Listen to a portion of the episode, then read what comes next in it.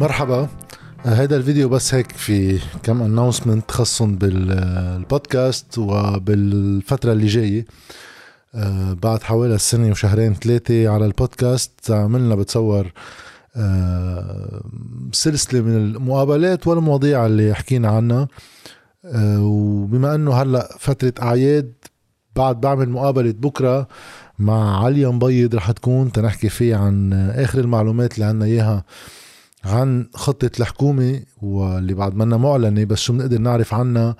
وتوجههم لصندوق النقد الدولي تنعرف شو بتختلف عن الخطة اللي قبل وليش بتختلف.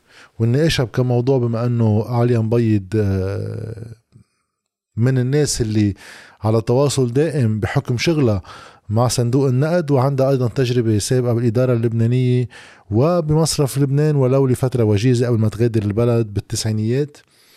و بعد هيدي المقابلة بنروح على break حوالي أسبوعين آه، مع إنه آخر فرصة أخذينها من حوالي سنتين ثلاثة ثلاث سنين صاروا.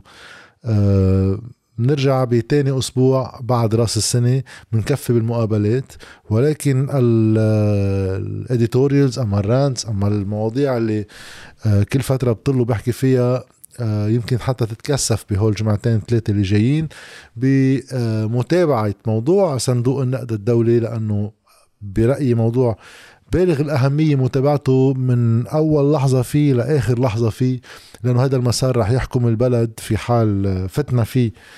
كما هو متوقع على آه، سنوات إذا مش أكثر من عشر سنين.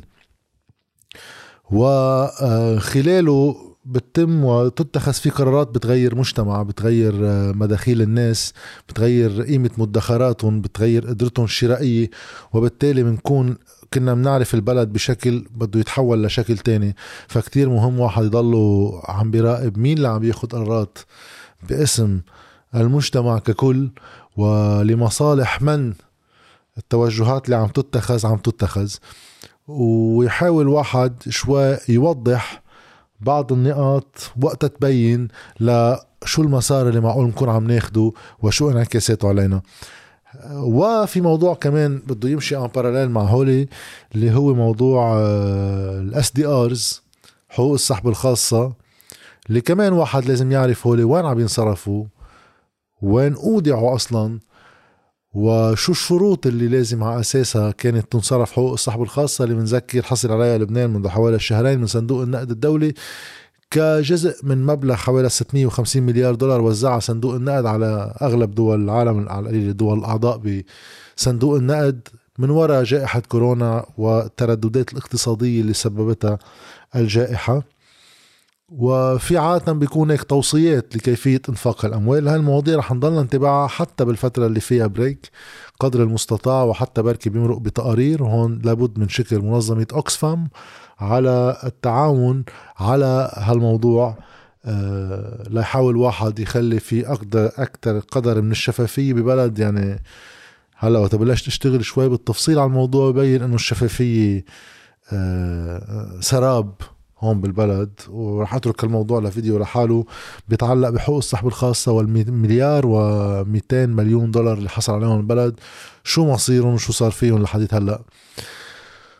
خلال هذه الفترة كمان رح حاول آه نشتغل شوي على translation نصير في subtitles للمقابلات بالبداية. إن شاء الله بعدين واحد يقدر يلاقي لي سريعة وقتها واحد يصور فيديو من هالنوع كمان يقدر يعملها translation على صعوبة هذا الموضوع بالفترة الزمنية القصيرة من وقت ما يتسجل لوقت ما ينعمل له upload فبنهايتهم بيصيروا ال 40 مقابله الموجودين آه، على الصفحة آه، كلهم subtitle لل English وبدعيكم بهالجمعتين تحضروا اللي ما حضرتوهم بيناتهم وإن شاء الله يكونوا آه، مفيدين.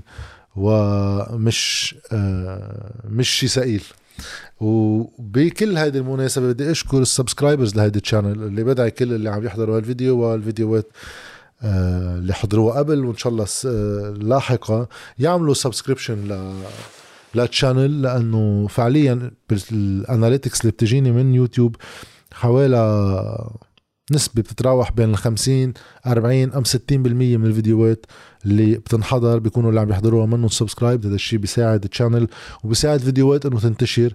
والشكر كمان لكل ال patrons على موقع باتريون اللي بيدعموا هيدي الصفحة لتبقى التجربة الصحفية المستقلة عن أي معلن وأي آه، ممول.